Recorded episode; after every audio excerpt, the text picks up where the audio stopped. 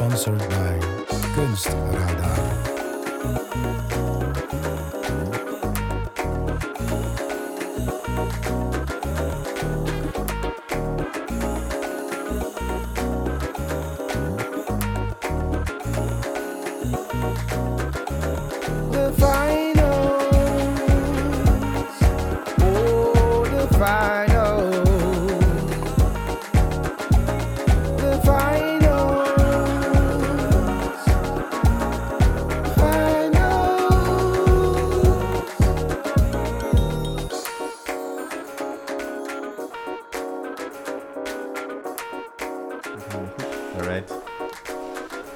Beginnen.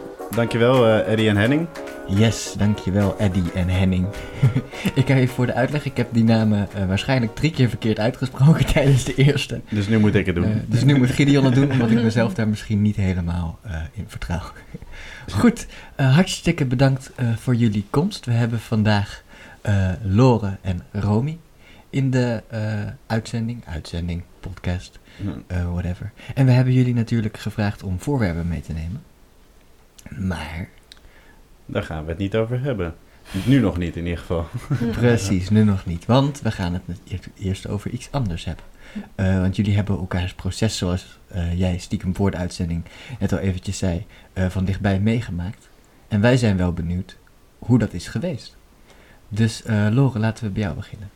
In het eerste jaar, Mm, Bedoel je dan dat je mijn proces wil weten of, dat, of ik Romy's proces wil vertellen? Nee, nee, ja, gewoon ja, jouw eigen Oké. proces. Laten we, over je laten we het makkelijk proces. houden. ik dacht al. Ehm, Kan jij je nog een werk herinneren, of laten we zo zeggen, welke verwachtingen had jij van de kunstacademie toen je het eerste jaar binnenkwam? ehm, ik denk dat ik, ehm, toen ik naar de kunstacademie ging, toen wist ik eigenlijk nog vrij weinig van kunst. Ehm, ik was net eh, op de, ik had de VWO gedaan, ik was naar eh, de universiteit geweest, psychologie gestudeerd.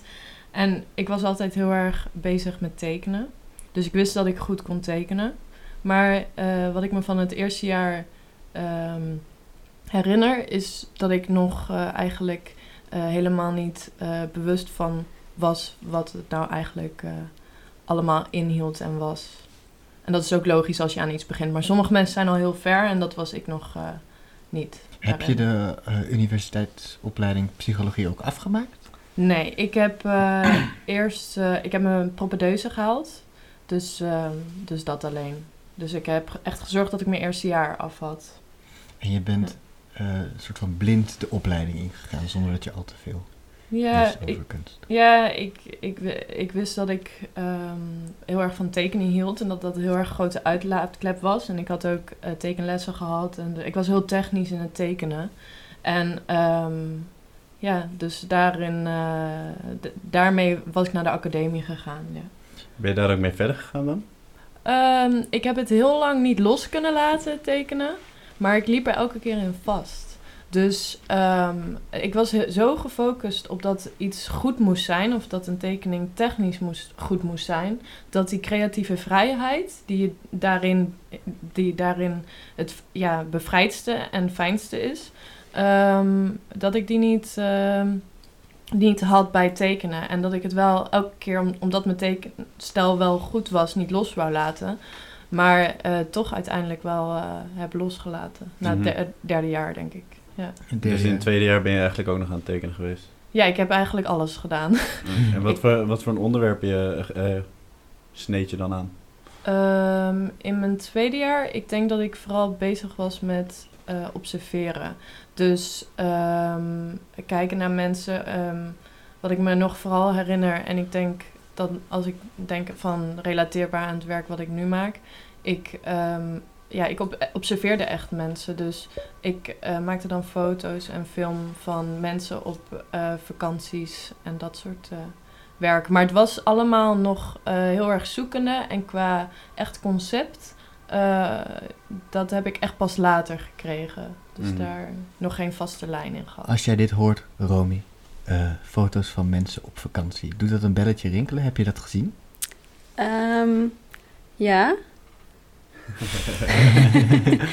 ja, Laura en ik zaten niet in, hetzelfde, in, in dezelfde klas in het eerste jaar. Want Ah. we hadden twee klassen. Ehm, maar ik kan me wel herinneren dat eh, in haar studio heel vaak portretten hingen van mensen die ze had nagetekend, geloof ik. Ja, dat was het eerste jaar. Oh, ja, ja, eerste jaar, ja. Wat herinner je je daar nog precies van? Je kwam binnen en allemaal portretten aan de muur? Of Eh, ja, en er wa- waren lijntekeningen of zo. Ik geloof ook van je broertje, klopt dat? Ja. Ja. ja. Ja, maar dat is echt het eerste semester, eerste jaar, eh, dat dat eh, inderdaad eh, een project waarbij ik eh portretten had gemaakt over mijn familie en dat, het wel, dat was een heel persoonlijk werk. Dus ehm, vandaar ook dat het eh, inderdaad mijn broertje was. En dat persoonlijke, ben je daar daarna... eh, heb je dat losgelaten later? Ehm, ja, ik, ehm, ja, ik, eh, op een gegeven moment, eh, ik heb daar nog een expositie over gedaan in Amsterdam, over een heel persoonlijk werk, maar ehm, over psychiatries. En een van mijn eh, familieleden is psychiatrisch patiënt, dus ook echt heel zwaar. En, ehm, maar op een gegeven moment was het ook een soort van proces waarin ik wel voelde dat het niet mijn identiteit zou worden als kunstenaar dat proces. Dus vandaar dat ik daar uiteindelijk niet, eh, dat dit niet mijn eindwerk wordt of iets. Want, Mhm. want jij gaf net aan dat je in de derde, toen was er een omslag, toen liet je het tekenen eindelijk los. Ja. Wat ben je toen gaan doen? Ehm, ja, dus meer film en fotografie. Ik, was, eh, ik ging echt overtuigd het, van het derde naar het vierde jaar dat ik eh, filmmaker wou worden. En eh, ik was ook een half jaar ehm, naar Italië geweest op Erasmus. En daar had ik eigenlijk helemaal niet zoveel de ruimte om dingen te doen, omdat de capaciteiten op die academie gewoon er niet echt waren. Eh, en ehm, ja, dus eh, ik herinner me van mijn derde jaar vooral mijn fotografie en film eigenlijk. Heb je dat verder nog ontwikkeld daarna, de fotografie en film? Doe je dat nog steeds? Eh, nee. nee. Ook weer vanaf gestapt. Maar je Ehm, bent daar denk ik wel tot een ontdekking gekomen. Ja. Ja, ik heb daar een souvenirtje uit meegenomen. Maar ja, ik ehm, heb in Italië in, toen in het derde jaar heel erg eh, lang de tijd gehad om over de dingen na te denken. En waar ik wel al vanaf ook foto's en film over maakte, was mensen die naar kunst keken. Dus ik observeerde eigenlijk mensen die eh, in grote musea kwamen en die filmden en fotografeerde ik dan. Ehm, en dat heeft zich in Italië verder gekristalliseerd, die interesse. Dus die interesse heb ik weer van Italië ehm, naar Nederland weer meegenomen. En eh, dat concept stond niet meer toen in lijn met, ehm, met het film als medium. En uiteindelijk heb ik dat dus losgelaten en zijn daar hele andere soorten werken en installaties uitgekomen. Want de mensen die naar kunst kijken, wat, wat fascineerde jou daaraan? Het- ja, het is toch dat ik geïntrigeerd was door kunst, omdat je op, ja, op de kunstacademie zit. En dat je zelf ook kunst gaat maken waar mensen naar gaan kijken. Dus ik was gewoon heel erg aan het onderzoeken wat dan een bepaald ja, kunst voor mensen was. Laat maar zo zeggen. Ja. Maar ja, daar Ook dan wie, welk kunstwerk zeg maar het meeste mensen aantrekt of zo? Of hoe, hoe? Ehm, ik denk dat het hem in zat dat ik eigenlijk ook vond... Ik was eh, eh, op vakantie in Italië toen de tijd. En toen was ik bij de Galleria dell'Accademia. En ehm, dat is in Florence. En ik zag eigenlijk dat de mensen helemaal niet echt keken.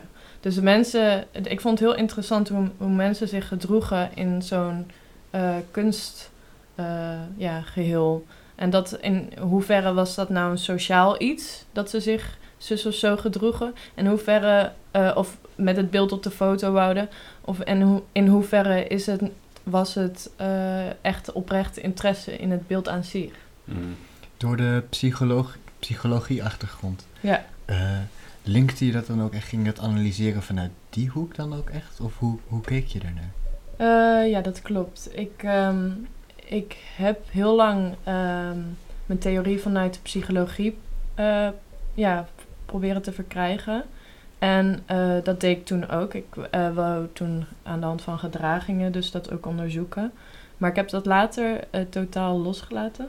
Omdat het me eigenlijk alleen maar in de weg zat uiteindelijk. En ik het ja, veel breder wou trekken.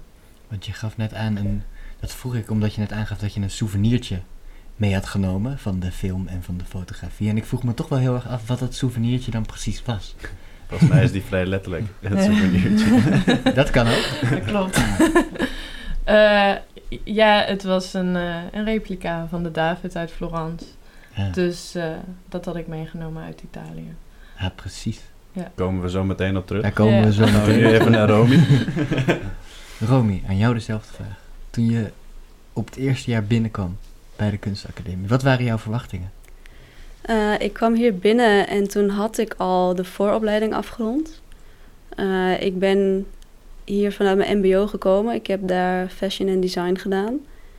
En eh, met de insteek dat ik ook hier mode wilde gaan studeren, ben ik toen de vooropleiding gaan doen. En na die afgerond te hebben, had ik zoiets van, nou weet je, ik, ik wil toch fine art doen.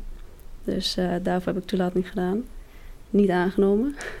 Nee? Nee, ik was niet aangenomen. En toch je dan? ja, toen, eh, ja, was ik niet aangenomen. En ehm, toen dacht ik van, nou ja, oké, dat, dat is kut.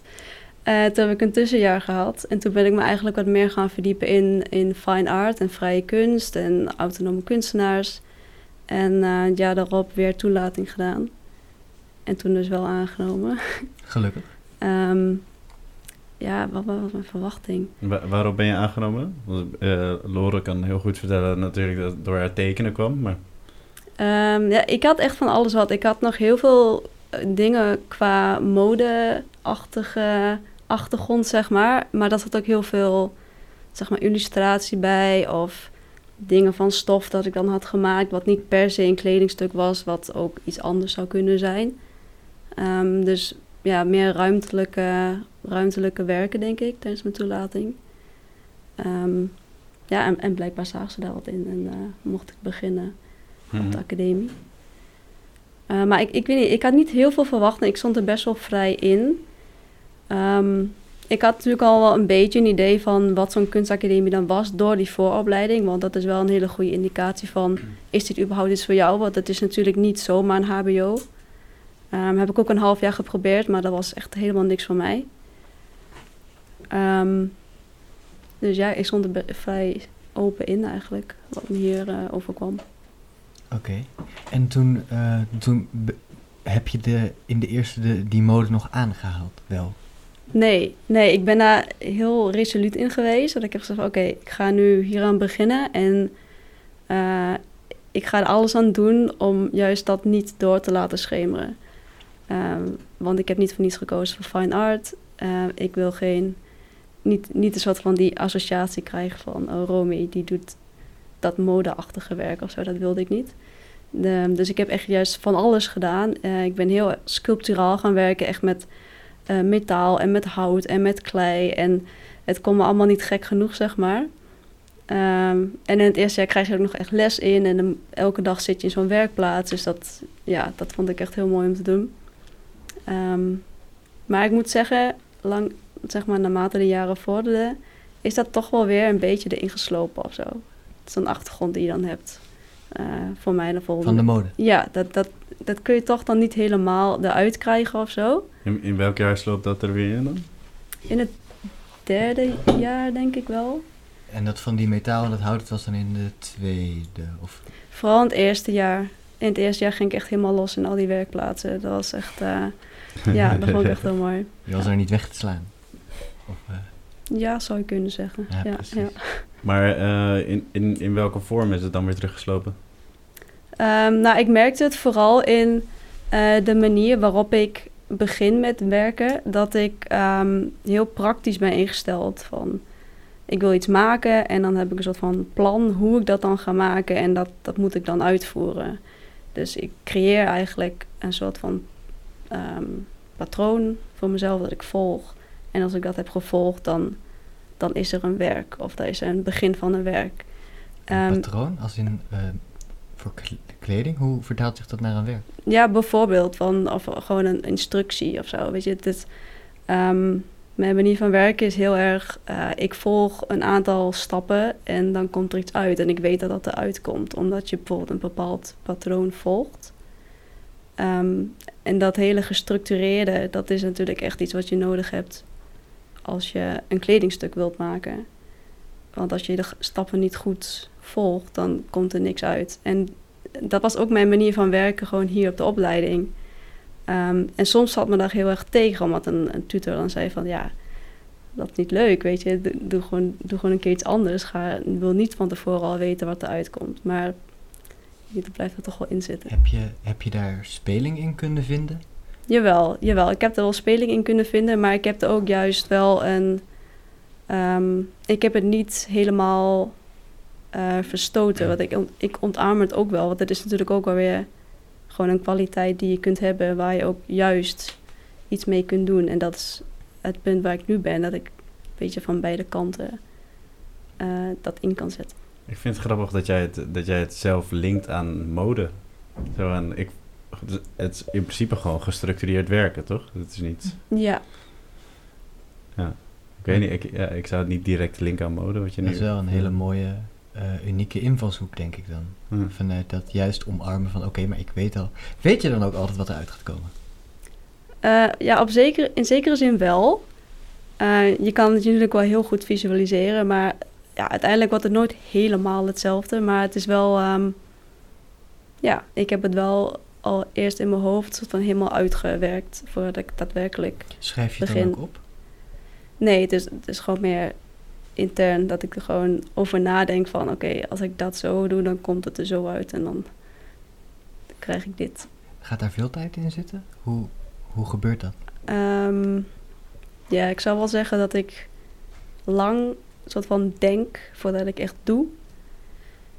Ehm, maar het kan ook soms heel snel zijn dat ik gewoon in mijn studio zit en dat ik iets bedenk en dan vijf minuten later dan staat het er.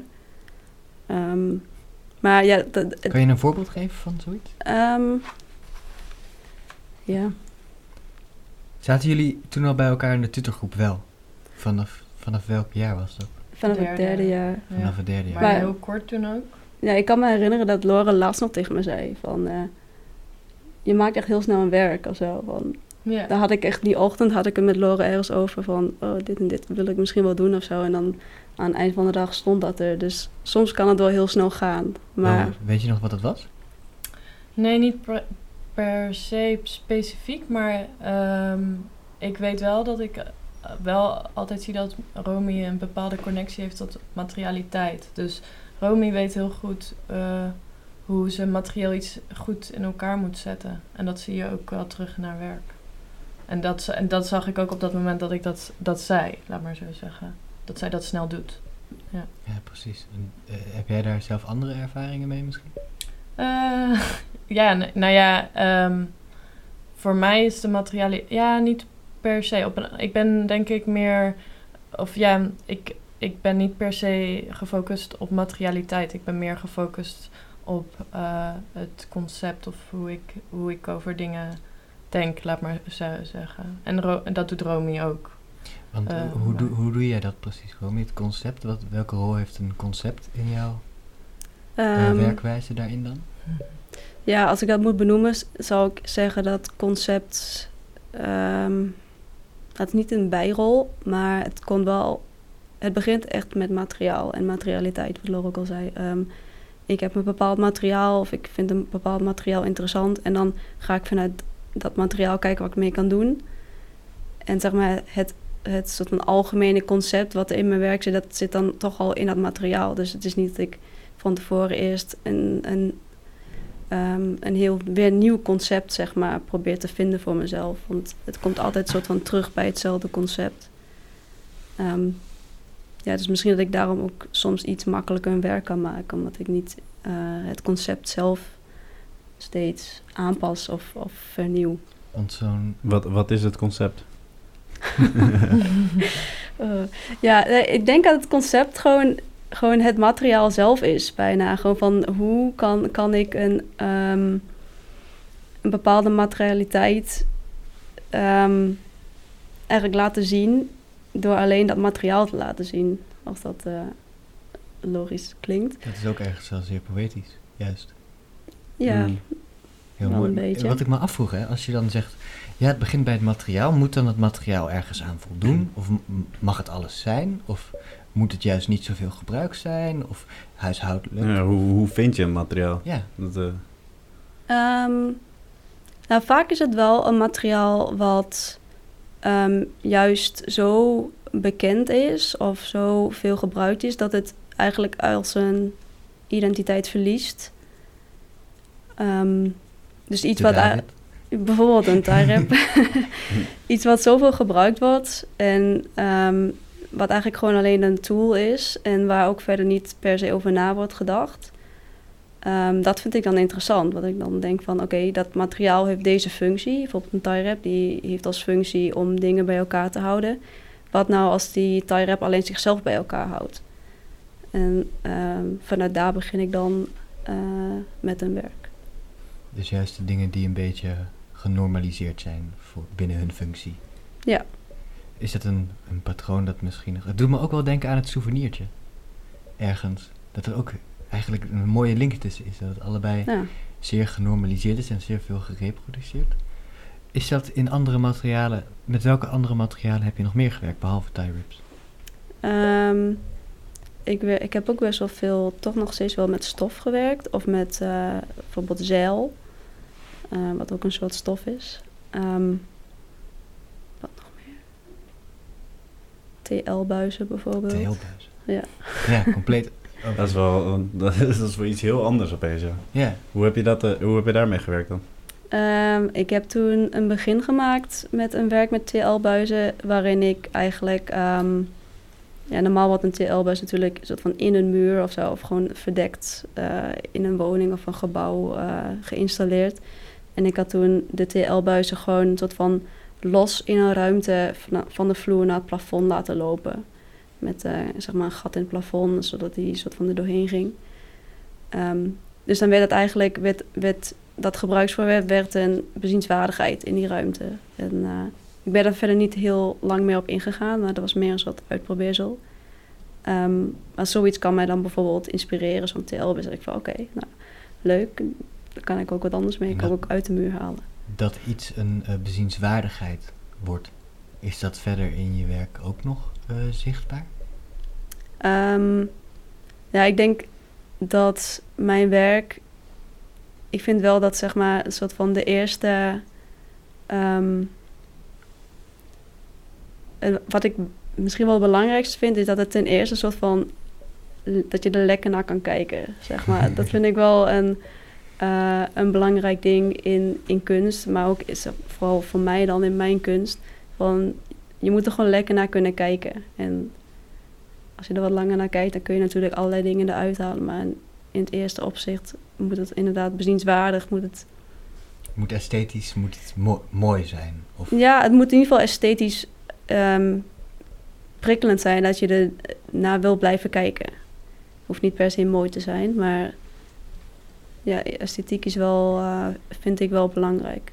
is er dan ook een punt waarop je denkt van eh, nu is het esthetisch? Of is dat heel veel spelen en kijken van oké, maar hoe, Ehm, hoe gebeurt dat? Ja, dat is ook wel heel lang een soort van blijven schuiven en schommelen van eh, wanneer is het af. Weet je, dat, dat is sowieso heel lastig om te bepalen. Weet je dat nu wel? Ja, maar dan is het soort van af voor het moment of zo. Ah, ja. We hebben eh Lin hier ook op bezoek gehad. Die had het over dat ze in de eerste of tweede, volgens mij in de tweede, dat daar- daar juist het eh, esthetische echt eruit gedrukt wordt door school. Heb je daar geen last van gehad dan? Ja, en dat heb ik nog steeds wel. Lo- Loren zit ook ja te knikken. Ja, ja, ja. ja, ja, het is, ja, ik snap dat ook wel, want je moet natuurlijk... Voordat je soort van weet waar alles vandaan komt, moet je inderdaad naast esthetiek ook wel andere kennis hebben. En weten wat je maakt en hoe dat tot stand kan komen. Maar ehm, ik vind als je in je vierde jaar zit en je hebt gewoon al die theorie gehad, al die jaren lang. ehm, en je maakt dan iets wat misschien weer esthetisch pleasing, pleasing is. ehm, dan heb je ook gewoon het recht om dat te doen. En als het goed is, kun je het dan ook onderbouwen. Hmm. Maar ja, het, het is wel zo dat het eh, je wel iets lastiger wordt gemaakt. Ja. Hoe is dat bij jou, j- Jij, voor mij heb jij in ieder geval ook best wel esthetisch pleasend werk. Ja, ehm, ik denk dat Ehm, ja, bij mij is het toch iets anders. Ik denk dat bij mij. ehm, ik, ik vind. Het is inderdaad mijn werk. eh, Hoe ik het uitwerk. Wordt met, eh, is esthetisch en pleasant. Maar waar het vandaan komt. Heeft het ook een soort non-esthetica. En ook iets lulligs en kitscherigs. Mhm. En ehm, ja, dus ik merk daar minder van. En ik denk dat mijn werk waar Romy eh, zegt van het moet er lekker uitzien, dat vind ik natuurlijk ook. Maar voor mij is er ook nog een ander verhaal, wat eh, ik ook heel belangrijk vind binnen het werk. Mhm. En eh, ja, De research die je hebt ja gedaan. precies. Eh, Ja, Ja. terwijl, terwijl bij, bij Romy is dan het concept dan en de research misschien wel juist in het materiaal zelf. precies. Ja. Ja, en, bij, en bij mij ook hoor. Maar Ja. op een andere manier gewoon. Ja, Ja, dus ja. dat is wel mooi om te horen. Want ik denk dat dit een perfect moment is ja, om, Om het over te schakelen. wel over de voorwerpen te gaan hebben. Hm. Als we het toch hebben over wat je, wat je hebt meegenomen dat esthetisch is. Ehm, Ze heeft het al een beetje verklapt. ze heeft het al een beetje. Of eigenlijk hebben jullie het beide al, al een beetje verklapt. En wij ook, moet ik eerlijk Ja. zeggen. Het is moeilijk om heen te komen, schijnbaar weer. De. David. Ja. Eh, ja, ja. Het, is, het is gewoon een essentieel deel eh, van mijn werk op dit moment. Ehm, maar wat wil je daarover weten? Gewoon... Waarom heb je hem meegenomen? Eh, Niet omdat wij het hebben gevraagd. nee. ja. Ehm, nou, ik wilde David is meer... ehm, oh, daar stort iets in. Maar wat? Ehm, Een plaatkarton Nee, van de. Ja, precies. Goed.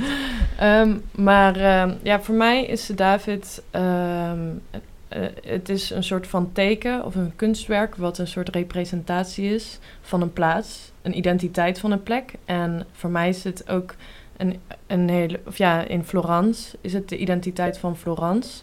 En eh, ik, ja, ik vind die, eh, dat gewoon heel interessant aan een souvenir. Dat er eigenlijk heel veel interessante onderzoeksstromen bij elkaar, bij elkaar komen in één eh, voorwerp.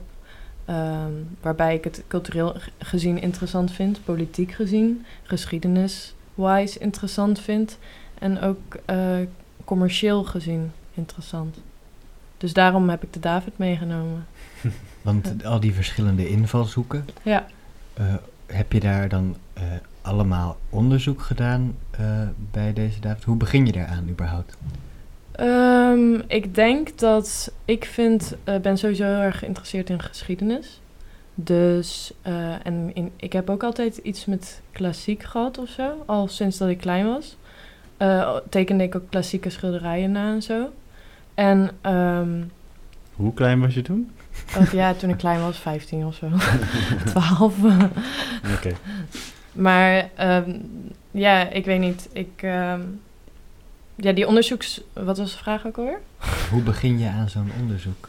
Eh, ja, het is gewoon met artistic research ga je steeds verder in bepaalde stof, laat maar zo zeggen. En ik had eh, dat eh, beeldje meegenomen. En eh, dan ga je een soort, van positioneren binnen ehm, kunstenaars. En die dat ook doen. En zo kom je steeds meer in een soort van connectie tot het beeldje. En dan, dan ga je dus achterkomen dat het ja, het, gewoon, het is gewoon heel breed eigenlijk, een breed onderzoek. Ja, want ik, Ja. ik vond het grappig dat je net zei van het beeldje doet jou aan Florence denken. Ja, Komt natuurlijk omdat je hem daar vandaan mee hebt genomen. Maar ik weet van jouw onderzoek dat je, het, dat je hem ook terugvond op allerlei andere plekken. ja dat klopt. ja, Dus dat ehm, is dan ook een gedeelte van je onderzoek. eigenlijk, Ja, absoluut. Het, eh, dat is de, de culturele waarde die zo'n David heeft. Is, ehm, daar, daar ben ik heel erg geïnteresseerd in. In Florence is die kunsthistorisch verbonden. Dus dan, dat is een hele andere waarde dan eh, de David die eigenlijk een geglobaliseerd standbeeld heeft over de hele wereld. En heeft in elke setting weer een andere, eh, een andere waarde. En ik heb inderdaad eh Davidjes over de hele wereld op Google Maps gezocht.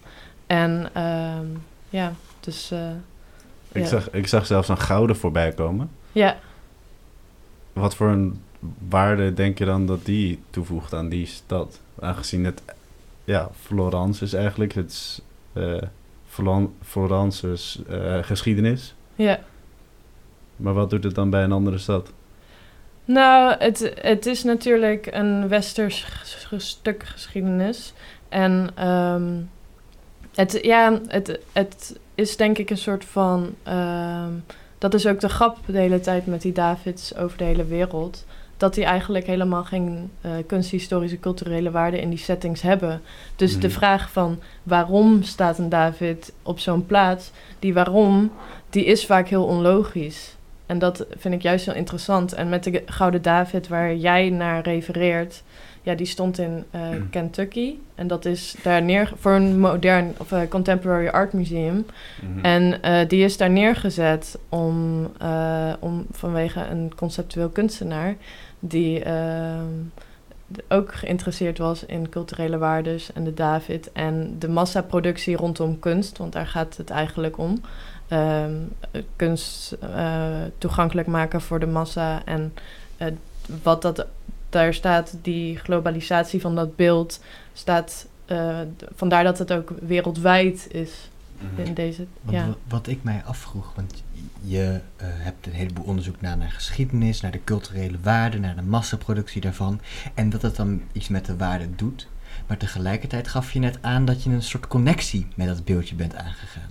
Dus iets wat eigenlijk ma- gemassa-produceerd werd, heeft ineens heel veel betekenis voor jou gehad. Hoe, hoe ga je daar, hoe- is die wisselwerking daartussen? Ehm, nou, ik denk dat ehm, de David voor mij in mijn proces. ehm, ik, ik weet het niet zo goed. Ik denk dat de David. even denken. Wat is je verhouding tot de David nu, laat ik het zo zeggen? Ehm, ja, mijn persoonlijke verhouding tot de David nu is dat de David voor mij, deze David staat representatief voor een systeem die eigenlijk in heel veel plekken en plaatsen terugkomt. Dus eigenlijk is de David iets, een startpunt voor mij, wat ik verder wil gaan onderzoeken aan de hand van andere souvenirs Want- en andere. Wat voor systeem heb je het dan over? Het systeem van het commercialiseren van kunst. Dus de, het, wat ik heel erg interessant vond, bijvoorbeeld bij die David, is van waar is, waar is de origineel, waar is Michelangelo, waar is alles wat nu om de David heen is, heeft eigenlijk vrij weinig met het origineel te maken. En eh, ja, dat vind ik heel interessant. Is dat zonde? Ehm, ik, het, ja, het heeft allebei eh, iets. Het, eigenlijk is het gemaakt voor de massa. Dus het autoritaire gaat het vanaf. Maar aan de andere kant, ehm, ja, ik, ik weet ook niet of het tegen te houden is. Want tijd eh, voegt ook allerlei dingen toe aan een, een beeld of een, ja, hoe, de, hoe een samenleving cultureel gezien en ook de massa daarmee omgaat. Is het dan ook geen eh, kritiek wat je probeert te uiten met je werk daarmee? Ehm, ja, ik, ik denk dat het. Ik vind het vooral wat ik heel erg belangrijk vind. En ik denk dat ik mijn eigen positionering, daar ben ik ook nog zoekende in. Want het is een startpunt voor mij geweest ook. Maar eh, wat ik interessant vind, is dat ik. ehm, even denken hoor. Ik ben even kwijt wat ik wou zeggen. Wat wou je ook alweer vragen? Ik wilde, eh, ik vroeg aan je of je daarmee een kritiek bedrijft in je werk. Op dat. Oh ja, ik weet alweer wat ik wou zeggen. Ehm, ja, soms raak ik even helemaal in mijn eigen verhaal en dan denk ik van, wat was ik ook ik alweer ken aan het, vertellen? niet dus. Ja, gelukkig. hou maar alsjeblieft een beetje. Maar ehm, ja, ik, ik denk meer de, wat ik meer belangrijk vind, eh, is de humor ervan. En daar zit wel een soort kritiek in. Dus het humoristische van zo'n lullig beeldje tegenover zo'n David. En ook eh, het humoristische van de massatoerisme, wat dan op zo'n plek als Flor- Florence daar eh, omheen stroomt. En ik zit nog in een punt in mijn onderzoek waar ik bij ook meer een positionering of een kritiek daarbij gaat groeien, denk ik. Ja, Dus, eh, ik vroeg me nog iets af, want we hebben nu één David op een spiegel. ja. Eh, hoe zal het werk uiteindelijk gepresenteerd worden op de finals? Kun je daar misschien een tipje van de sluier eh, van oplichten? Ehm, ja, ik heb eh, de David op eigenlijk dus meegenomen. En ik heb hem op allerlei manieren proberen te reproduceren. En eh, ik heb hem met 3D-scans eh, geëxperimenteerd. En met eh, gips en mallen. En ik heb in totaal 260 Davidjes gemaakt Jeetje. in het werk. En eh, ja, het ligt heel erg aan de locatie hoe het werk zich gaat vormen.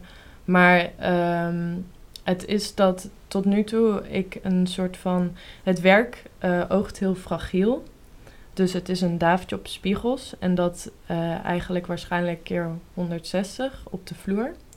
Oeh. En eh, dan eh, wil ik het zo gaan plaatsen dat eh, mensen niet om die fragiliteit heen kunnen.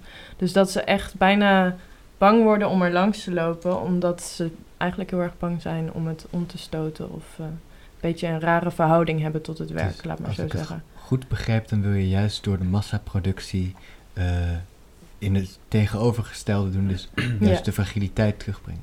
En het laatste wat ik wilde weten, voordat we naar Rome gaan is, want ik neem aan dat je er zelf voor hebt gestaan. Voor het werk. Ja. Ja. Wat deed het met je? Ehm, Hoe heb je gekeken?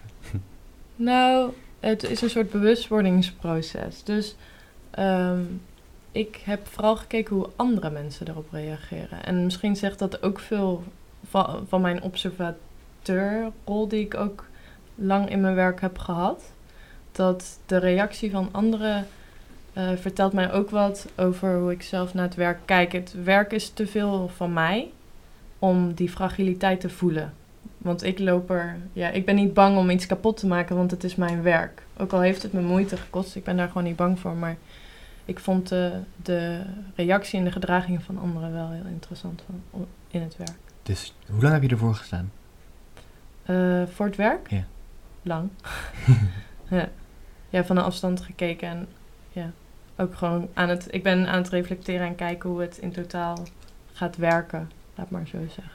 Dus, Nee, eh, ik, ik bedoelde David zelf. Ik wou het Oh. zeggen, volgens mij, bedoel volgens helemaal mij niet- gaat er iets eh, Nee. mis. Miscommunicatie. Oh, oeps, ja. Ehm, voor de echte David. Ja. Oh, eh, lang. Maar ik heb daarbij niet gekeken naar de echte. Ik, eh, de, de David, het is wat ik zeg, het gaat voor mij om het systeem. Dus het gaat voor mij om ehm, het systeem wat, wat mensen en ja, gewoon dat massatoerisme en souvenirs en de commercialiteit, die daar, daar gaat het mij om. En ik merkte ook dat toen ik daar was bij die echte David, ik zat daar alleen maar naar het massatoerisme te kijken. Hmm. Dus de mensen die ervoor gaan staan en wat zijn de. ehm, wat, wat, waarom wil iemand dat? Waarom maken mensen foto's met dat beeld? Daar was ik veel meer in geïnteresseerd Heb dan de heb David je- zelf. Heb je ook staan kijken hoe, hoe mensen dan naar zo'n klein beeldje staan te kijken, naar, naar, naar, naar eh, souvenir? Ehm, Dat, dat lijkt mij dan wel weer interessant of zo. Hoe ze reageren op een kopie. ehm, ja, het is meer dat. ehm, het is mijn kopie. Dus de, de, het, het replica die ik me- heb meegenomen, dat is dus een ander soort souvenir. En ik weet dat ehm, mensen, wat ik ook het mooie vind aan souvenirs als souvenir, dus zonder dat ik hem heb gereproduceerd, is dat mensen hem echt meenemen naar huis. En dan echt als een soort van object in een privéruimte neerzetten, als een soort herinnering aan een plaats. Mhm. En dat vind ik heel, ook heel interessant aan het object. Maar ze is En- niet voor, het waardering, voor de waardering voor het beeld, maar eigenlijk herinnering aan de plaats. Ja, ja. Ja, het is, het is een soort van... Je, ja, ik durf niet een uitspraak te doen voor iedereen, maar je kan, zou het ook kunnen zien als een soort van... ehm, en een herinnering, maar ook eh, laten zien dat je ergens bent geweest. Of het, kan, het is een soort een beetje sociaal iets, lijkt het wel. Mhm. Dankjewel. Ik Ja. denk dat we eh, van jou nu over de finals zeker weten wat we kunnen verwachten. En ik Hm. vind het een mooi verhaal wat je vertelt. En als je het ook goed kan vertellen en dat je helemaal niet zoveel de draad kwijtraakt. af Echt en toe. niet? Nee, helemaal Oh, niet. dat gevoel had ik soms even zo. het is ook al eh, maandagavond, dus we- Ja. mag, weet je. Daarom. Eh, ja. Romy, jullie zijn de eerste, dat wil ik ook even zeggen, die het werk echt zo mooi samen hebben gebracht. Echt? En het, ik vind het Ik Ja, vind die, die, het zelf, kloppen. die het zelf Ja, ja. hebben neergezet en gestileerd. Zo. Ja. Ja. Gestileerd. ik denk dat ik toch Het een beetje mode beproef ergens. Eh, ja, zeker. Want Romy, jij hebt voor ons meegenomen tie rips. Maar niet zomaar tie rips. Ze zijn ook nog op een bepaalde manier eh, aan elkaar gemaakt. Waarom heb jij deze tie rips meegenomen? Eh, ja, ik heb deze tie-ups meegenomen omdat dit eigenlijk ook een soort van sneak peek is naar waarmee ik zal afstuderen. Ehm, ja, heb je dat- deze speciaal voor ons gemaakt? nee, dat je niet. Nee, deze, dit zijn een soort van eh, ja, proefjes of testjes, of eh, hoe je het ook wilt noemen. Ehm, ja, maar ik heb dit meegenomen omdat dit eigenlijk op heel kleine schaal laat zien, wat heel duidelijk laat zien wat ik in mijn werk doe. En dat is eh, materiaal maken van materiaal. Materiaal maken van materiaal. Bijna. Je, hebt- je, hebt- je hebt inderdaad bijna een, een soort van hekwerk gemaakt van tie rips. Als ik het zo mag beschrijven. Of een net. Ja, ik noem het zelf een doek inderdaad. Ja. Ehm, Een doek. Ja, een doek, want de, de echte die zijn heel groot. De- die is 2 bij 2 meter. Ehm, en het is Ah, bijna een soort van... Gewoven. Zo, ja, het is ja. bijna een soort van weven wat ik ermee heb gedaan. Ehm, en dit zijn, dit zijn eigenlijk hele kleine versies. Dit zijn eigenlijk, dit wat je daar ziet, dat is een onderdeel van het grote. Want zeg maar die vierkantjes die ik daar heb gemaakt, ehm, die maak ik dan weer aan elkaar. En het wordt een soort van uit zichzelf groter door het gewoon maar steeds te blijven doen en blijven herhalen. En het begint allemaal met deze vorm eigenlijk. Ja, precies. Die, die herhaling en dat het zichzelf eh vormt. Want je gaf net aan dat je met regels heel veel doet. Dat het eigenlijk begint met eh, een regel. Welke regel had je hierbij eh, gebruikt? Of, Of ja, ik had ik dan verkeerd? Ja, regel, regel zou je het kunnen noemen. Ja, ik zei inderdaad regel. Ehm, misschien is het meer een soort dan ehm, instructie of zo. Want ik begon in eerste instantie met die tie rap. Van oké, ik vind het interessant, ik wil er wat mee doen. En ik ga er iets mee doen waarbij ik alleen die tie rap gebruik. En hoe kan ik die dan gebruiken om, om ehm, van, van dat ene eh, strengetje eigenlijk iets heel groots te maken. Waarbij die dus niet Ehm, waarbij dus niet andere materialen of wat dan ook nodig zijn om, om, dat, om dat te vormen. En ehm, toen was ik eigenlijk gewoon een beetje aan het pielen met een paar van die dingen. En toen, ehm, ja, op een gegeven moment toen, toen had ik op een bepaalde manier aan elkaar gemaakt waarvan ik dacht, hé, hey, als ik hier nou heel veel van maak, dan kan ik die ook weer op dezelfde manier aan elkaar maken. En dat dan ook weer, en dat dan ook weer. En toen ben ik in een soort van frenzy, ben ik echt acht van die dingen gaan maken. En eh, weet ik veel, 2.000, 3.000 tie reps later staat er in één keer heel veel werk. Het begon met één simpele en Ja. we zijn nu hier. Dat is helemaal uit de hand gelopen. Het begon met één simpele David en we zijn nu hier. Ja, Eh, ik wist ook helemaal niet dat je zoveel kleuren tie rips had. Nee. dat wist ik ook niet. Maar ik ben dus gaan googlen. En je hebt dus gewoon een website waar je echt, Welke website? echt iets heel knullers van... Rap Nederland online of zo. Ik, zoiets.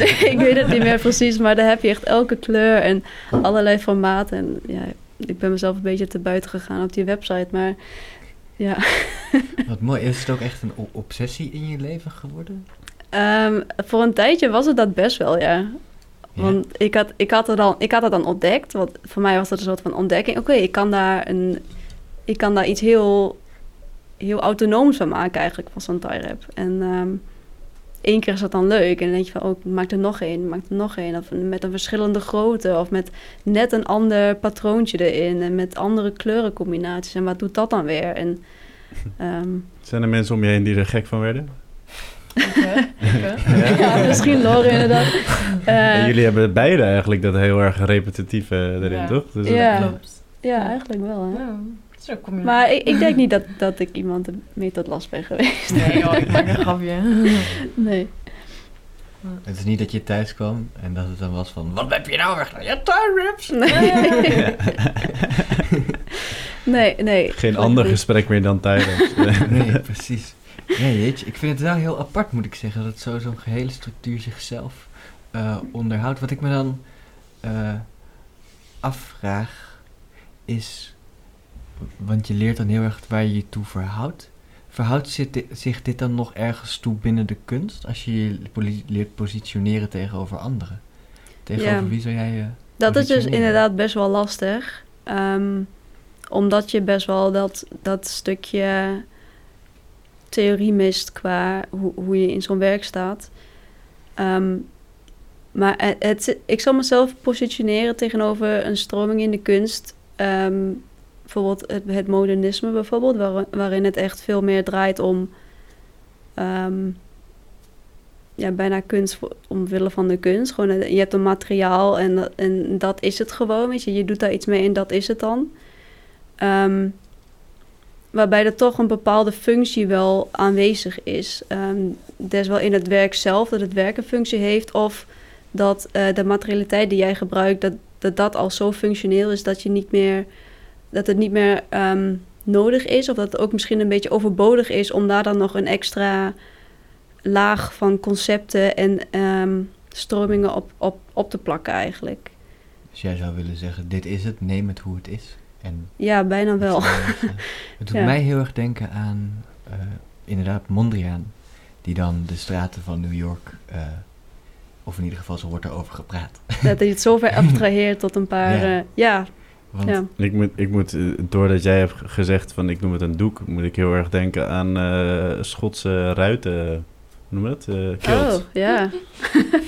ja, ja, nu dat zegt. is Ook dan, een beetje door de kleuren. Ja, dat ook. Ja, dat is misschien ook wel wij, wij kijken er nu naar en we hebben meteen een heleboel associaties. Is het voor jou eigenlijk altijd tie rips gebleven? Of ging je zelf ook andere dingen daarin zien?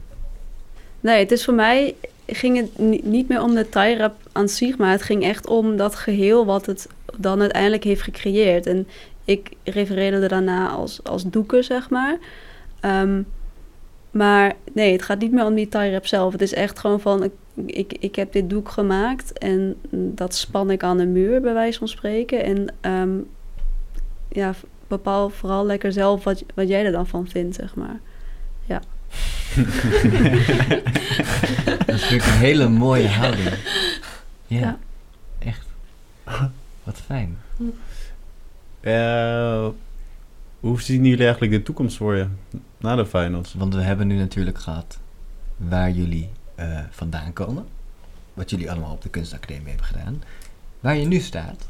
En dan blijft er nog één soort groot zwart gebied over, genaamd de toekomst. Dus laten we beginnen met Lore. Laten Eh. we zeggen over tien jaar? Oh nee. Ja. Mag ook vijf. Mm. Mag ook vijf. vijf. Vijf. Nou, ehm, ik heb, ehm, bedoel je mijn toekomst qua werk of mijn toekomst qua praktijk of eh, een beetje hoe- van beide? Ga, ga je door met de kunstenaar zijn? Ga Wil je vijf huskies nemen, twee goudvissen, drie papegaaien? Ja, kan ook, kan allemaal. Ehm, ja, ik ehm, ga door met mijn kunstenaarschap. Eh, daar ben ik eh, ja, wel op ingesteld. Eh, ik ben recentelijk verhuisd eh, naar Rotterdam. Dus ik hoop daar eh, ook ehm, meer een netwerk te kunnen verkrijgen binnen de aankomende jaren. En ook een soort van binnen instellingen wil ik, eh, de- als ik op de korte termijn mag praten, eh, stages lopen. En eh, daar meer organisatorische dingen gaan doen. Het klinkt alsof je al iets hebt gevonden. Of, Eh, nee, ah. nee, was het maar waar. Ik eh, heb er, eh, expres nog niet gezocht. eh, even Ah. Als er rust. welwillende mensen uit instellingen in Rotterdam luisteren, Oh ja. toevallig. eh, Ja. Lore wil graag Ergens stage lopen. Ergens stage lopen. Heb jij ervaring met organisatorische dingen of ben je daar?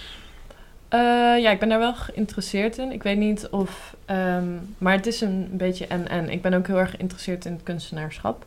Maar ik vind eh, organiseren eh, heel leuk. En ik heb inderdaad al een stage gelopen in Nijmegen bij Ru- Ruis, als ik dat mag zeggen. Dat mag Ehm, je zeggen. Oké. Sl- Slijpreclame. Ja, precies. en daar heb ik ook dingen georganiseerd. En ehm, ja, ik merk dat ik dat wel heel erg leuk vind om te doen. En eh, ja, en ik hoop eh, over tien jaar een eh, master te hebben gedaan. Ehm, en ik zit aan het denken aan artistic research bij de eh, KBK in Den Haag. Dat doet eh Die hebben we eerder voorbij horen komen. Ja, Noortje. En ik zit, ja, ik zit, ik, eh, ja, zit eraan te denken. En ik eh, wil graag eh, zo lang mogelijk studeren, dus ook kijken voor een postmaster in de toekomst. Oké, en Ja. de psychologie? Eh, nee. Ehm, ik, Ik denk, ik vraag het toch Leuk Ja. geprobeerd, Jan. Leuk geprobeerd. Ja, leuk geprobeerd. even. Als het nee is, dan snap ik het ook. nee, nee, ja, ik, eh, dit wordt nu gewoon mijn vakgebied, laat maar zo zeggen. En ik vind het nog, heel, nog steeds heel interessant om naar mensen te kijken en observeren. Ik denk dat ik dat altijd mee zal nemen. Een kunstenaar Maar- moet wel. Ja, precies. Ja. Dus eh, ja. Nou, Dankjewel. hoeft, hoeft niet per Ja. se. Je kan ook naar Thai-raps kijken. Dat is Dat zeker kan ook. waar. Dat heeft Romy volgens mij genoeg gedaan. ja. Ja. Of denk je nou, in de toekomst over vijf jaar heb ik nog steeds... Misschien Laten wel. we vijf jaar pakken. Vijf jaar. Ehm, nou, ik sta er... Ik heb juist helemaal geen plan voor na de academie. Ehm, ik ben juist helemaal niet bezig geweest met eh, zoeken naar eventuele masters of, of apprentices of wat dan ook. Ehm, en ik wil eigenlijk een beetje kijken hoe gewoon de finals gaan en hoe daar op mijn werk wordt gereageerd en op mij. En ehm, eigenlijk een soort van heel natuurlijk dat er dan maar iets uitkomt, zeg maar, wat dat dan ook is. Ehm, ja, dus ik kan er niet heel veel over zeggen, want het is- ik heb gewoon niks concreets uitgestippeld of zo. Ik, ik, dat is dan een beetje tegenstrijdig met mijn werk, maar dat heb ik helemaal laten gaan van, ik zie het wel. Ja, ook weer mooi dat alles zo in het werk zit. Al die controle en, re- en regelen. En dit ga ik doen. Ik zeggen, de, Ja. de, de focus is gewoon zo op het Ja. werk geweest dat je dat bijna bent vergeten. Zo, zo klinkt Ja. het. Zo- dat was het ook een beetje. Dat was, was ik als van, oké, ja, het is nu oktober.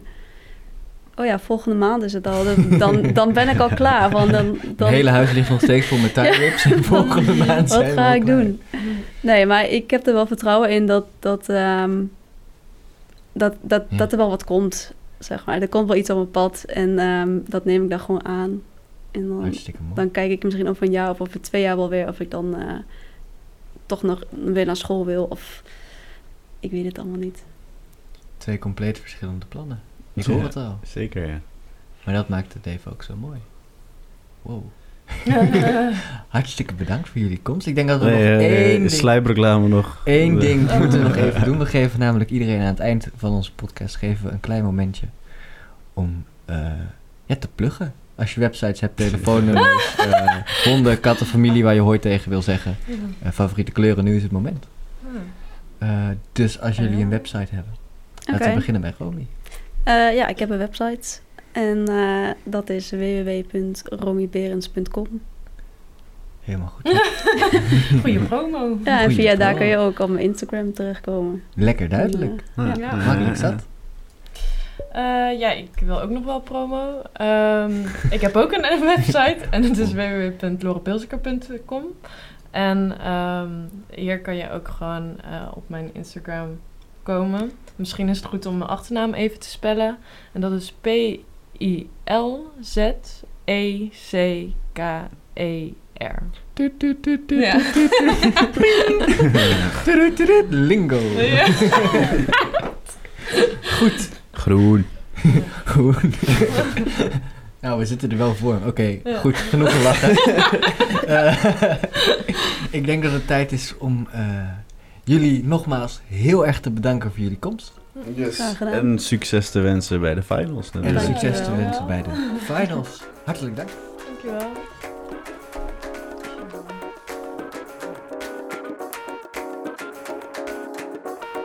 Sponsored by Kunstradar.